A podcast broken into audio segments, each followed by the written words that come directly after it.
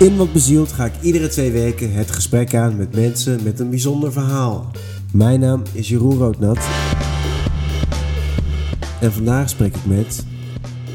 Claudia Kuipers. Claudia Kuipers is een Limburgse die naar Amsterdam is verhuisd met een groot hart voor duurzaamheid. Welkom Claudia. Dankjewel. Claudia, hoe, ehm, waarom zeg je dat je een groot hart voor duurzaamheid hebt? Ik vind duurzaamheid het allerbelangrijkste onderwerp uh, dat er speelt in de wereld op dit moment. En wat mij betreft is het iets waar ik al mijn tijd aan wil besteden. Al je tijd? Al mijn tijd. Oké, en uh, hoe doe je dat op uh, dit moment? Um, nou, in mijn privéleven ben ik er veel uh, mee bezig. Um, de dingen die je thuis kunt doen, daar probeer ik zoveel mogelijk goede keuzes in te maken. Ik heb een carrière switch gemaakt naar duurzaamheid, dus mijn werk zit er volop. En um, in mijn vrije tijd doe ik nog vrijwilligerswerk op duurzaamheid. eigenlijk omdat ik het heel prettig vind om te voelen dat ik zoveel mogelijk tijd eraan besteed om eraan bij te dragen dat we een goede stap gaan maken de komende jaren. En wat doe je dan zoal thuis? Ja, dat is een goede. Um, ik wist heel lang niet zo goed wat ik thuis kon doen. Dus ik ben daar heel lang zoekende in geweest. Um, en het is mij de afgelopen jaren wel duidelijk geworden waar het hem uh, in zit. Um, dan ga ik meteen verwijzen naar het boek dat hier op tafel ligt. Uh, dat gaat heel erg over wat je thuis kunt doen. En wat is het boek? Uh, het is De Verborgen Impact uh, van Babette Porcelein. Um, en eigenlijk is het een soort inspiratiebron voor mij geweest om het roer om te gooien en om te zeggen: Dit is wat ik wil doen, dit is wat ik thuis wil doen en dit is ook wat ik in mijn werk zou. Pak er gelijk even bij. Ja. De Verborgen Impact, alles voor een eco-positief leven. Juist. En uh, waarom heet het de verborgen impact? Het heet verborgen impact omdat het erover gaat dat heel veel van de dingen die wij doen um, een impact hebben. En dat gaat niet alleen over de impact tijdens het uh, gebruik van uh, bijvoorbeeld de auto. Uh, of op het moment dat we iets eten of op het moment dat we iets weggooien. Maar het gaat ook over het hele productieproces dat daaraan vooraf gaat. Eigenlijk zit daar vaak de grootste impact van wat wij doen. Bijvoorbeeld het maken van een auto kost ook heel veel energie, er zit veel materiaalgebruik in. Um, voor het produceren van een stukje vlees, daar zit heel veel landbouwgrond die daarbij komt kijken vanwege de soja die als veevoer wordt gebruikt. Dus dit boek gaat eigenlijk over die hele verborgen impact die voorafgaat aan het moment dat wij een product in ons huis hebben, um, die we eigenlijk niet zien, die een blinde vlek is voor ons. Wanneer is uh, duurzaamheid uh, zo belangrijk geworden in jouw leven? Wat was het omslagpunt? Ik heb tien jaar geleden inmiddels alweer mijn masterscriptie geschreven over duurzame ontwerpers in Nederland. En de manier waarop zij nadenken over hoe zij duurzaamheid als onderdeel van hun werk zien. ik heb toen heel veel verschillende ontwerpers geïnterviewd over hun visie op duurzaamheid en uh, wat je allemaal kunt doen in je ontwerp om een duurzamer uh, uh, product te maken. En ik heb toen zoveel gelezen over het thema, um, dat het me duidelijk werd dat het ja, een vrij groot en urgent thema is. En tegelijkertijd werd ik er daar heel ongemakkelijk van. Ik vond het eigenlijk helemaal niet prettig wat ik allemaal las. En ik werd er ook niet blij van. Ik zag weinig concrete oplossingen.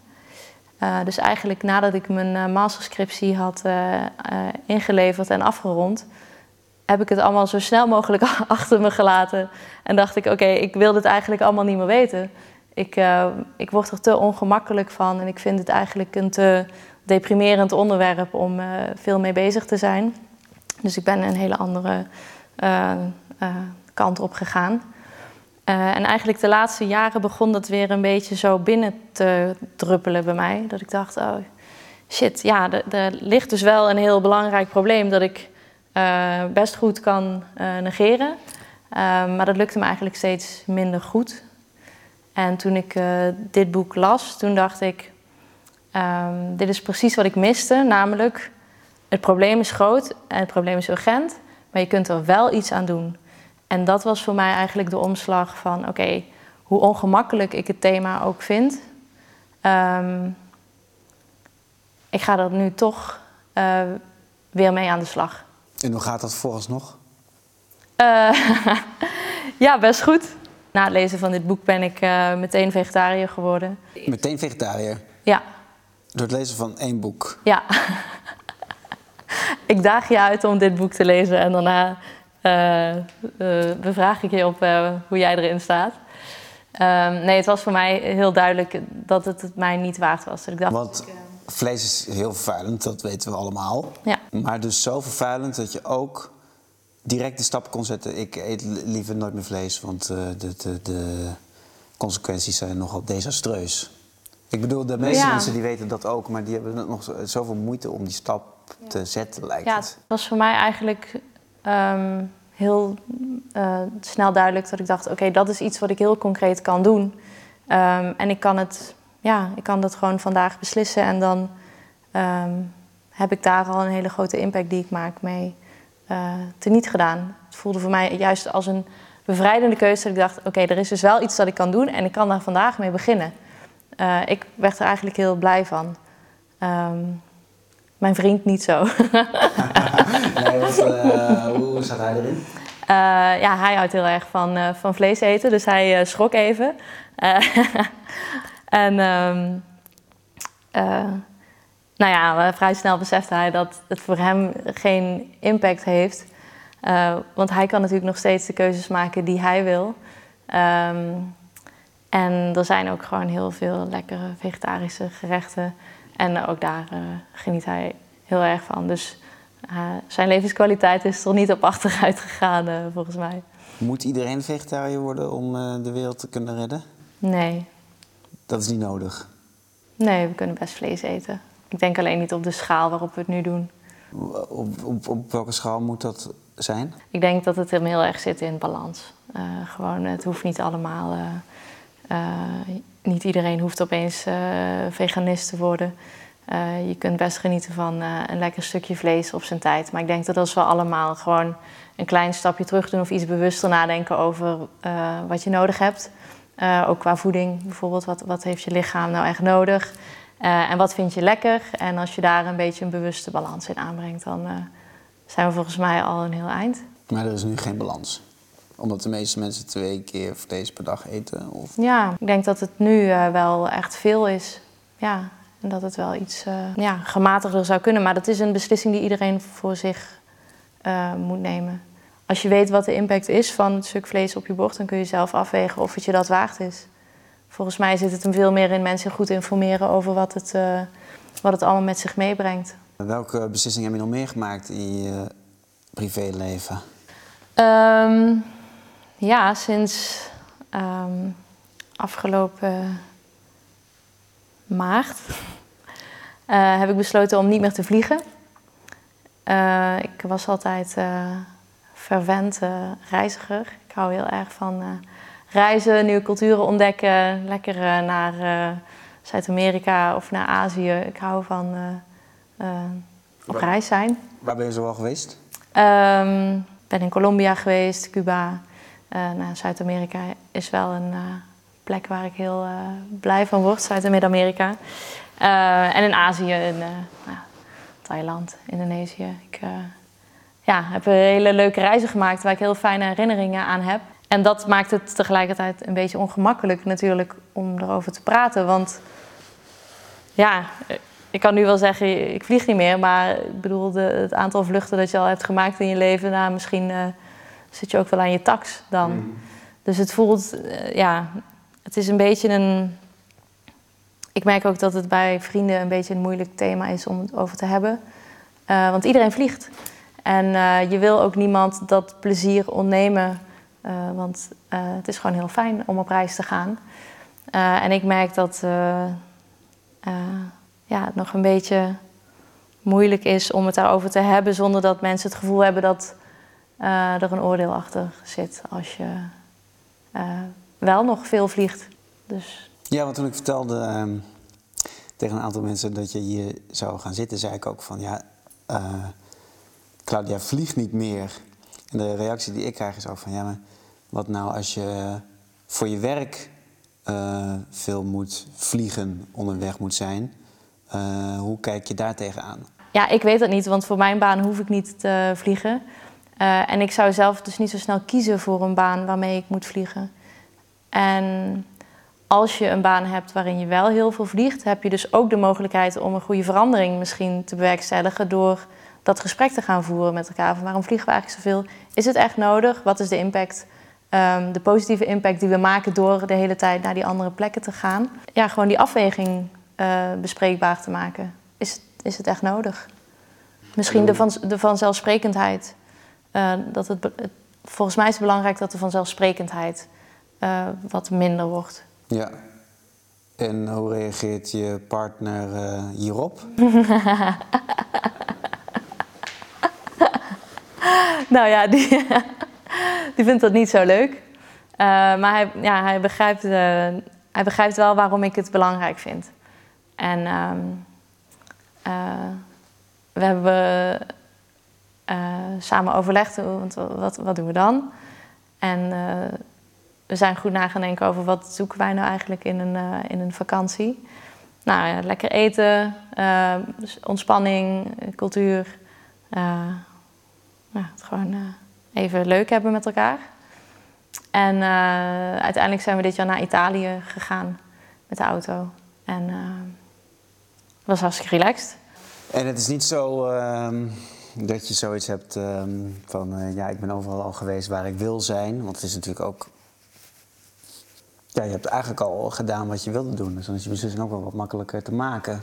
Ja. Zou bijvoorbeeld iemand die ehm, op de hoogte is van de urgentie ook deze beslissing kunnen maken zonder bijvoorbeeld ooit een uh, verre reis te hebben gemaakt of uh, die behoefte hebben kunnen stillen om op ontdekkingsreis te gaan. Ik kan, ik kan echt alleen maar voor mezelf spreken natuurlijk. En uh, ook hier weer denk ik dat het er vooral om gaat van wees je bewust van de impact die het heeft, wat je doet.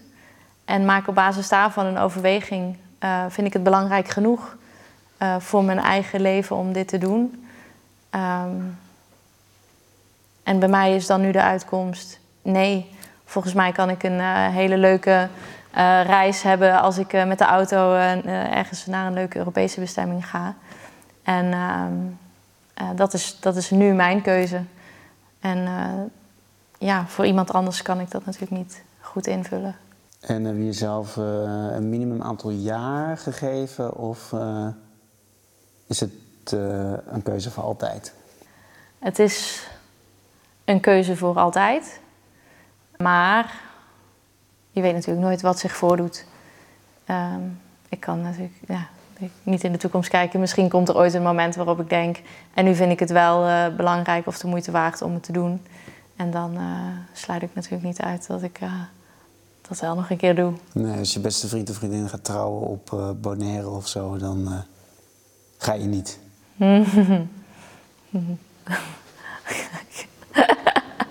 ja, goede vraag. Ik hoop niet dat mijn vrienden gaan trouwen op een bestemming waar ik voor moet vliegen. ja, nou ja, ik vind het wel gewoon een hele nobele uh, beslissing. En uh, ja, weet je, verandering doet natuurlijk ook pijn. Ik denk dat steeds meer mensen dit denken, want je leest ook wel dat steeds meer mensen met de trein ook willen reizen. Ja. Uh, helemaal naar Zuid-Spanje, dat je drie keer moet overstappen en best wel gedoe. Weet jij hoe de luchtvaartmaatschappijen op dit moment tegen dit probleem aankijken en weet jij of er verandering op komst is? Ja, het is natuurlijk gewoon het werk van een luchtvaartmaatschappij om te vliegen. dus ik denk niet dat zij daarmee zullen stoppen. En ik denk dat het goed zou zijn als de prijzen wat, wat eerlijker zouden zijn. Um, dat de milieubelasting van uh, een vlucht verrekend zit in de prijs van een, van een ticket. Zodat je een eerlijke prijs betaalt voor de vervuiling die, die er ontstaat. Ik denk dat dat voor sommige mensen misschien al een verschil zou kunnen maken in de keuze: ga ik met de trein of ga ik met het vliegtuig? Maar ja, de andere kant daarvan is, is dat vliegen straks iets wordt voor de elite. En dat rijke mensen het zich kunnen veroorloven om te vervuilen. en mensen met een kleinere portemonnee niet. En dat is natuurlijk ook een heel onwenselijke uh, situatie. Dus ik heb de oplossing ook niet en ik weet niet of iemand hem heeft. Elektrisch vliegen is nog niet een heel erg reële optie. Um, dus ook hier weer gaat het er volgens mij om: maak een bewuste keuze en probeer misschien iets matiger gebruik te maken van het vliegtuig. Dus geen vakantieknallers meer pakken. Nee, je ziet wel eens van die reclames terrasje pakken in Verona. Nou, dat vind ik echt heel irritant. Want er zit ook gewoon een terrasje op de hoek. En daar hoef je echt niet voor naar Verona. Je werkt ook in de duurzaamheidssector, zou ik het zo kunnen noemen, ondertussen. Heet het de duurzaamheidssector, de vergroeningssector? Je mag het noemen zoals je het wil. Okay. en wat doe je daar uh, zoal in? Uh, wij helpen culturele instellingen om, uh, om te verduurzamen.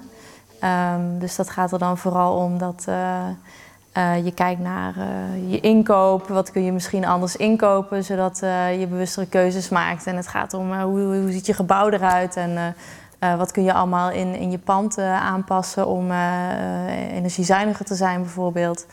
Um, en daarnaast produceren we wat inhoudelijke programma's over, over duurzaamheid, waarin er een, uh, een soort podium wordt geboden aan mensen die een goede visie hebben op duurzaamheid of die een bedrijf hebben opgericht over duurzaamheid en daarmee een beetje een goed verhaal kunnen delen.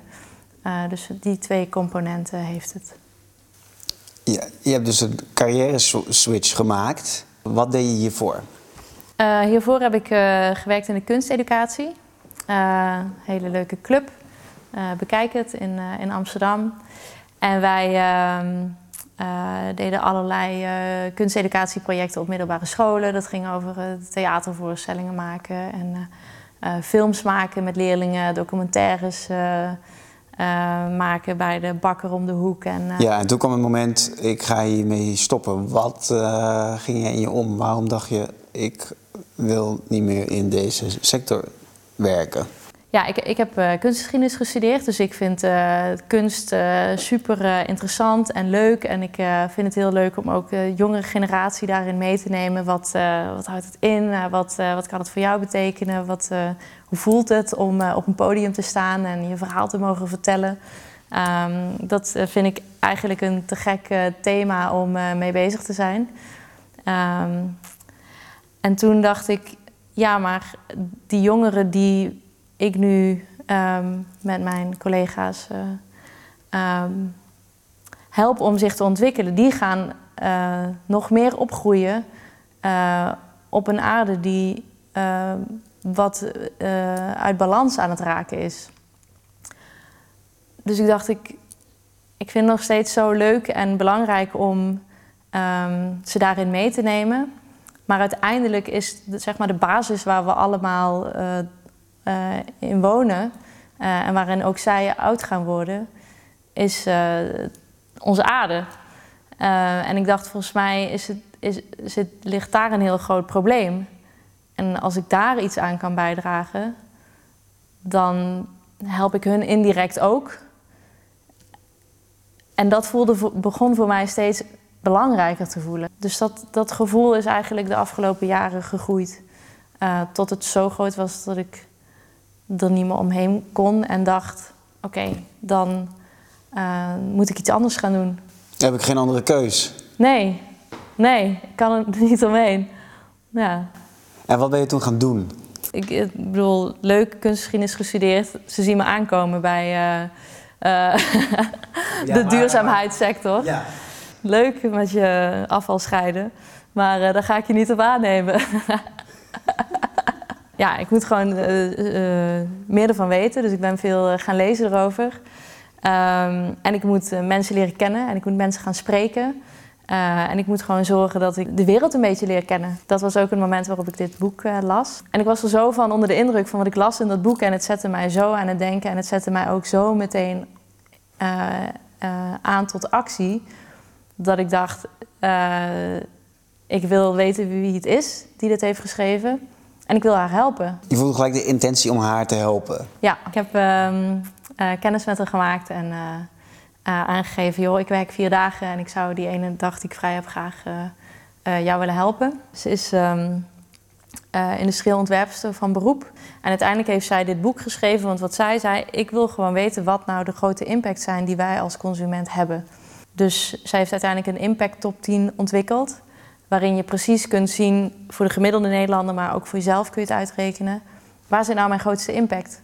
Zodat als je iets uh, wil veranderen in je leven voor um, het milieu, dan weet je waar je moet beginnen. Want dan weet je wat je grootste impact zijn. En als je daar begint, dan uh, maak je ook de grootste uh, stappen.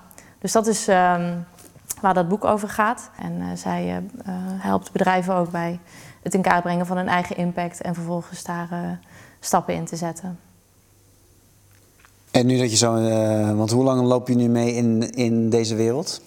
Uh, het is nu denk ik anderhalf jaar geleden dat ik bij Babette binnenstapte. Ik heb uiteindelijk een half jaar geleden mijn leuke banen in de kunsteducatie opgezegd. En ben ook met mijn werk begonnen in, in deze sector. Dus inmiddels uh, draai ik erin uh, in mee. Wat kom je vooral tegen? Wat verbaas je? Wat ik het meest tegenkom is dat iedereen het eigenlijk op zijn eigen manier heel belangrijk vindt. Ja, wat me verbaast. Soms is er ook wel wat weerstand, omdat het misschien soms hebben mensen het gevoel dat er van ze gevraagd wordt dat ze um, dingen niet meer mogen of dat het niet leuk is. Uh, of dat um, ja, dat het een vervelende aanpassing van hun leven betekent. Nou, ik weet niet of dat verbazing is. Um, het is vooral jammer als je op zo'n manier, um, uh, als, als, als dit thema je dat gevoel geeft. Uh, want ik denk dat het helemaal niet uh, hoeft te betekenen dat je leven niet meer leuk is als je bepaalde keuzes maakt die gaan over, over duurzaamheid. Ja, op dit moment denk ik zelf dat dat het vooral heel duur is. Tenminste, dat wil de overheid ons doen geloven. Mm. Dat het ons enorm veel geld gaat kosten om die overstap te maken en om überhaupt de wereld uh, te redden. Mm. Um, is dat niet alleen voor uh, hele welgestelde mensen. Om zeg maar die omschakeling te kunnen maken ja. met compleet met uh, zonnepanelen op het dak, warmtepomp, uh, goed, goed geïsoleerd huis, een elektrische auto. Uh, daardoor denk ik dat driekwart van Nederland ook zoiets zegt van ja, ik, ik wacht wel even. Ja, ja. ja, verduurzaming van je woning is inderdaad uh, hartstikke duur. zonnepanelen zijn wat beter betaalbaar geworden.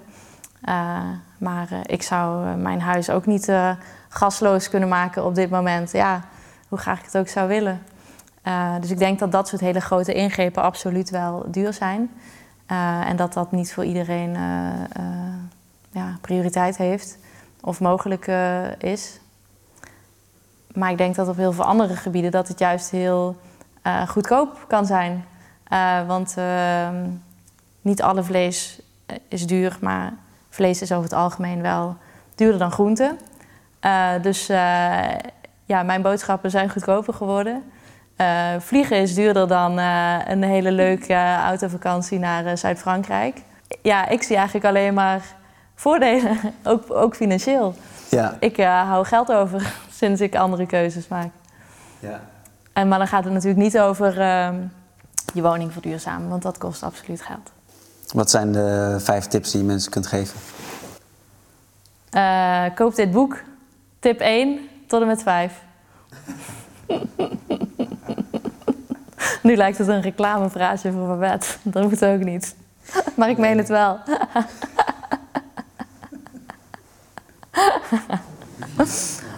Hoort het, de verborgen impact van Babette Porselein. Um... Misschien even een aanvulling daarop, op de tips. Ja, waarom ik zeg koop dit boek. Ik vind het heel irritant om mensen tips te gaan geven over wat ze moeten doen ik voel me helemaal niet in positie om daar iets over te zeggen. En ik vind het helemaal niet relaxed om mensen tips te gaan geven waar ze niet om hebben gevraagd. Kijk, jij vraagt het nu aan mij. Mijn tip is: doe vooral wat voor jou goed voelt, maar wees geïnformeerd. En kies op basis daarvan gewoon wat bij jou past. Wees geïnformeerd en kijk niet weg. Ja, dat is misschien een mooie. Je zei dat je tien jaar geleden al je scriptie hebt, eh, hebt geschreven over verduurzaming. Waar ging die scriptie precies over? Die scriptie ging over uh, uh, in hoeverre uh, ontwerpers in Nederland, productontwerpers, duurzaamheid meenemen als criterium voor hun ontwerp. Dus hoe belangrijk is het voor een ontwerper dat je product op welke manier dan ook duurzaam is. Ja, en tien jaar geleden was het nog niet actueel. Nee, ja, het was grappig, want ehm, ik weet niet, ik denk dat ik naïef was. Um, ik dacht toen nog dat duurzaamheid een soort um, modegril was. Zo van, oh, iedereen heeft het opeens over duurzaamheid. Um, en mijn, uh, ik weet niet meer precies, maar volgens mij is het de hoofdvraag die ik um, wilde beantwoorden was... Uh, doen ontwerpers uh, dit als ze duurzaam ontwerpen omdat ze het zelf heel belangrijk vinden? Of doen ze het omdat het beantwoordt aan dat ze denken dat mensen op dit moment van hun willen, omdat het zo'n uh, populair onderwerp is.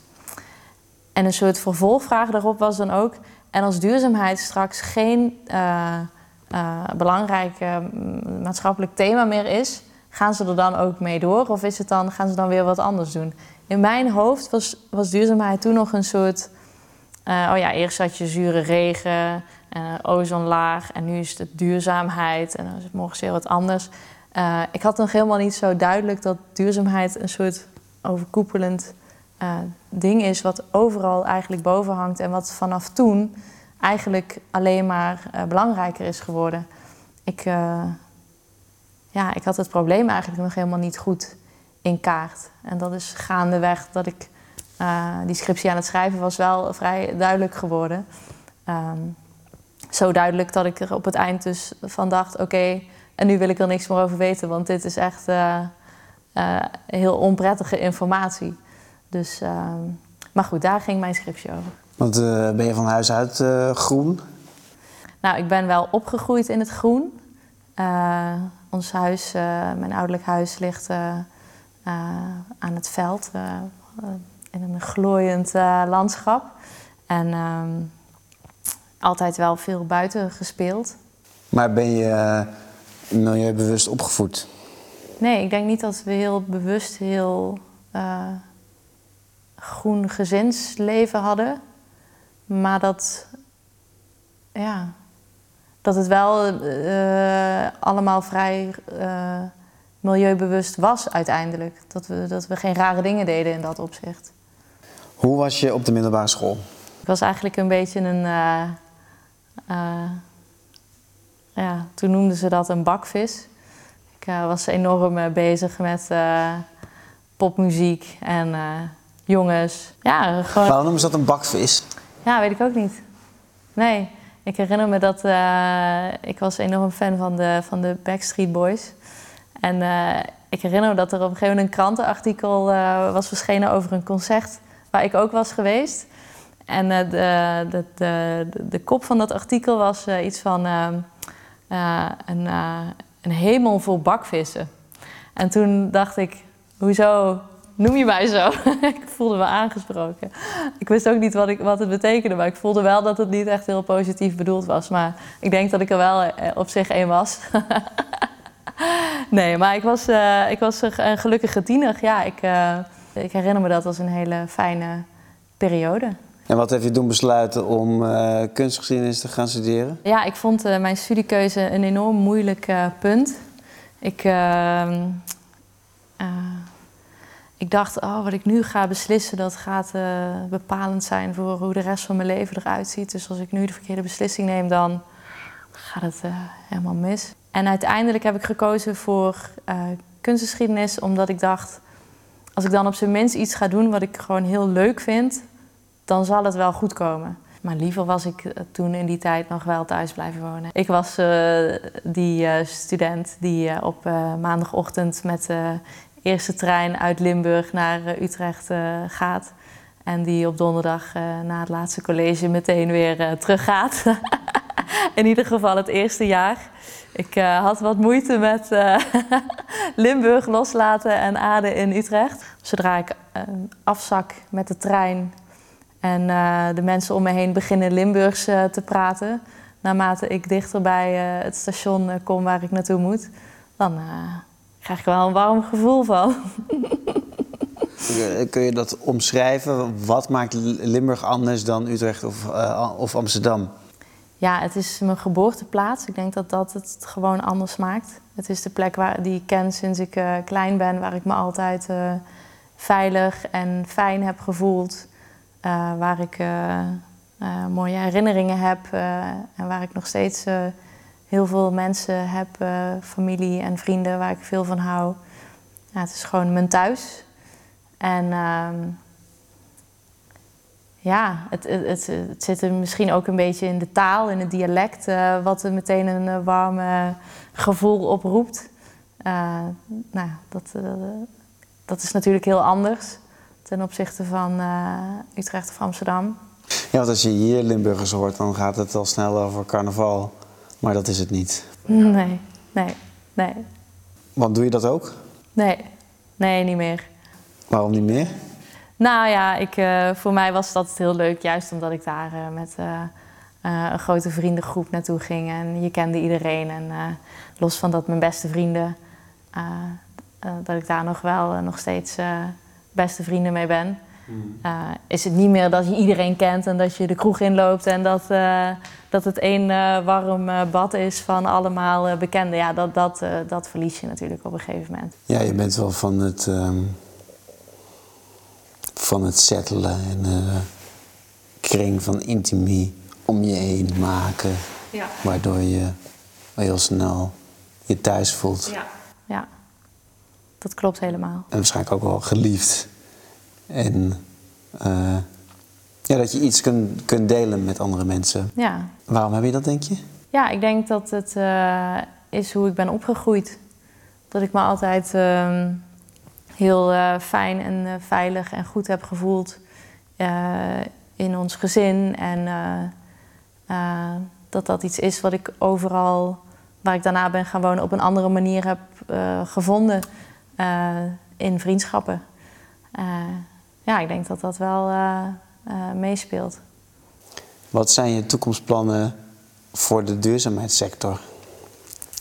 Um, of eh, tenminste, wat zou jij in de, in de, in de nabije toekomst willen doen? Ja, wat, ik, wat mij heel fijn lijkt is als je voelt dat je heel veel bijdraagt. Um, het is leuk om een beetje bij te dragen. Uh, en het is nog leuker om heel veel bij te dragen. Dus ik zou heel graag uh, uiteindelijk uh, beter worden in de inhoud. dus ik wil heel veel bij gaan leren de komende jaren. en ik hoop dat ik dan uiteindelijk ergens terechtkom waar ik uh, echt op een wezenlijke manier kan bijdragen aan oplossingen. En, en, en, zijn die oplossingen er al? Ik denk dat er al heel veel oplossingen zijn, maar dat er uh, ook nog heel veel oplossingen moeten komen, bedacht moeten worden. Um, dat er heel veel enthousiasme nodig is voor mensen om die oplossingen te gaan uitproberen dat het ook oké is dat 9 van de 10 oplossingen misschien niet de oplossing blijken te zijn. Um, ook loslaten dat er een oplossing is. Ik denk dat er gewoon heel veel oplossingen moeten komen. En dat we dan samen uh, een heel eind uh, moeten kunnen komen. Oh, hoe ziet de wereld eruit over tien jaar? ja, ik ga het niet over graden opwarming hebben. Ik hoop dat we dan um, eh, een levensstijl hebben die, waarin we het allemaal nog steeds heel erg leuk hebben. Waarin we kunnen groeien als mensen, waarin we een heel leuk leven kunnen hebben. Uh, maar waarin de, uh, het aandacht voor, de aandacht voor um, wat dat doet met onze leefomgeving, dat die groter is geworden. En dat, uh, dat we daarin wat bewuster leven. En dat het ook vanuit uh, overheid en bedrijfsleven dan een stuk makkelijker is geworden om die keuzes te maken uh, voor iedereen. Um, dus eigenlijk een, een, wereld waarin iedereen, ongeacht of je er veel mee bezig bent of helemaal niet, en of je heel veel geld hebt of heel weinig, dat iedereen in staat is om die keuzes te maken en daar een heel leuk, rijk, gelukkig leven bij heeft. Dat is hoe ik denk dat een groene toekomst eruit zou moeten zien. En gaan we de goede kant op? Ja, volgens mij wel. Ik denk dat er heel veel goede initiatieven zijn en uh, dat, het, dat mensen beginnen door te dringen dat het belangrijk is en dat daarin echt wel een soort van uh, beweging op gang aan het komen is, die uh, ja, misschien wel een soort omslag gaat uh, veroorzaken. Ik sprak van de week met iemand die eigenlijk niet zoveel met duurzaamheid heeft. Wie was dat? Dat was de taxateur van mijn woning.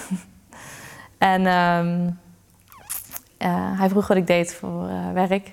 Dus ik vertelde hem eh, dat ik eh, in een duurzame sector werk. En uh, toen gaf hij aan van ja, ja we, we, kennen niet allemaal naar de linkse bakken gaan. Maar hij zei van wat ik wel merk is dat ehm, bij de Lidl liggen nu ook al biologische broden. En die zijn maar een paar dubbeltjes duurder dan de broden die ik normaal koop. Dus daar kan ik nu ook voor kiezen. En hij zei, vroeger ging het in mijn vriendengroep altijd over... als je een nieuwe auto had, uh, hoe, uh, hoe hard kan die? En uh, in hoeveel seconden zit die op zoveel kilometer per uur? En nu is de vraag, hoe zuinig is die? Dus ehm, ik denk dat er... Voor mij was dat een soort bevestiging van... eigenlijk is iedereen ermee bezig. Of het nou is omdat je heel bewust wil leven... of omdat het gewoon is hoe de samenleving aan het veranderen is... en hoe de discussie ja, steeds uh, breder wordt. Dus volgens mij uh, zitten we daarmee op de goede weg. ik denk wel dat we even een tandje bij moeten zetten om het allemaal een beetje in de versnelling te krijgen. Ja, en denk je daar ook politiek over na? Volg je die klimaatdiscussie en de totstandkoming van de klimaatwet een beetje? Ik volg het graag. Maar ik vind het interessanter om te kijken naar wat, wat, wat zit er nou binnen mijn uh, sfeer van invloed. Wat kan ik nou doen? En uh, nou, dat raakt niet heel sterk aan politiek. Ik geloof niet dat ik uh, politicus moet worden. Dat is ook niet mijn ambitie of talent. Of, dus ik, ja, ik hoop dat ze het daar ook, de, de, urgentie steeds meer gaan voelen. En met mijn stem hoop ik daar aan bij te kunnen dragen. Um, en daar, nou ja, vanaf daar houdt het dan voor mij een beetje op qua hoeveel uh, actie ik daarop uh, ja, kan zetten. Denk je, dat jouw, uh, denk je dat jouw baan over 30 jaar nog bestaat? Laat ik het zo zeggen. Het zou geweldig zijn als die niet meer bestaat.